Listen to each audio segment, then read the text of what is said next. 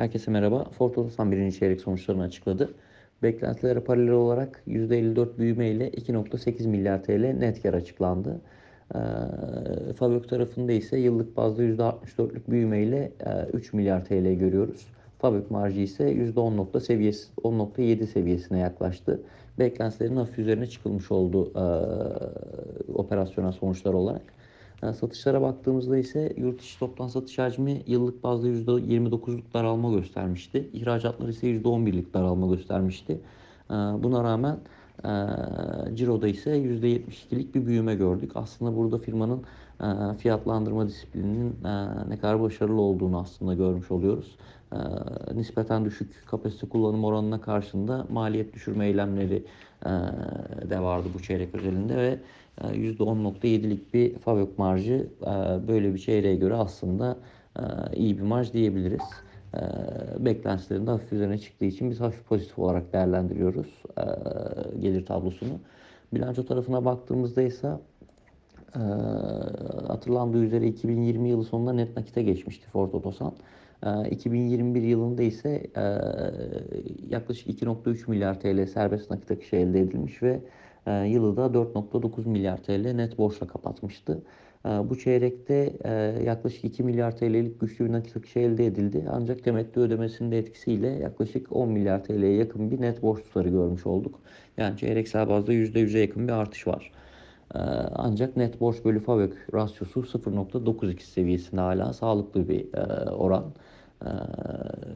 Önemli seviyede yatırımlar öncesinde güçlü bir bilanço olduğunu düşünüyoruz. Yatırımlar öncesinde kırılganlık görmüyoruz. Aynı zamanda hem büyüme açısından önemli hamleler yapılıyor hem de temettü ödemesi açısından herhangi bir risk görmüyoruz şu anda bilanço özelinde.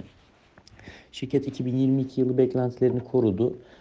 Ford Otosan çatısı altında 90-100 bin adet bandında bir satış hacmi var yurt içinde.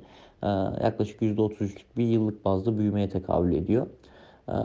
Yurt içi araç pazarının 800-850 bin adet bandında olmasını bekliyorlar. Burada da %10-15 bandında bir büyüme bekleniyor. İhracat tarafında da %25'e tekabül eden bir büyüme yaklaşık ihtimalle 350-360 bin adetlik bir ihracat. Yani toplamda 450 bin adet bandında araç satmayı hedefliyor Ford Otosan.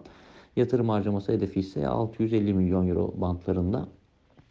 E, hedef fiyatımızda e, makroekonomik varsayımlarımızda yaptığımız güncellemelerden dolayı e, revizyona gittik. Aynı zamanda e, Ford'un Romanya satın alımının da etkisini modelimize entegre ettik.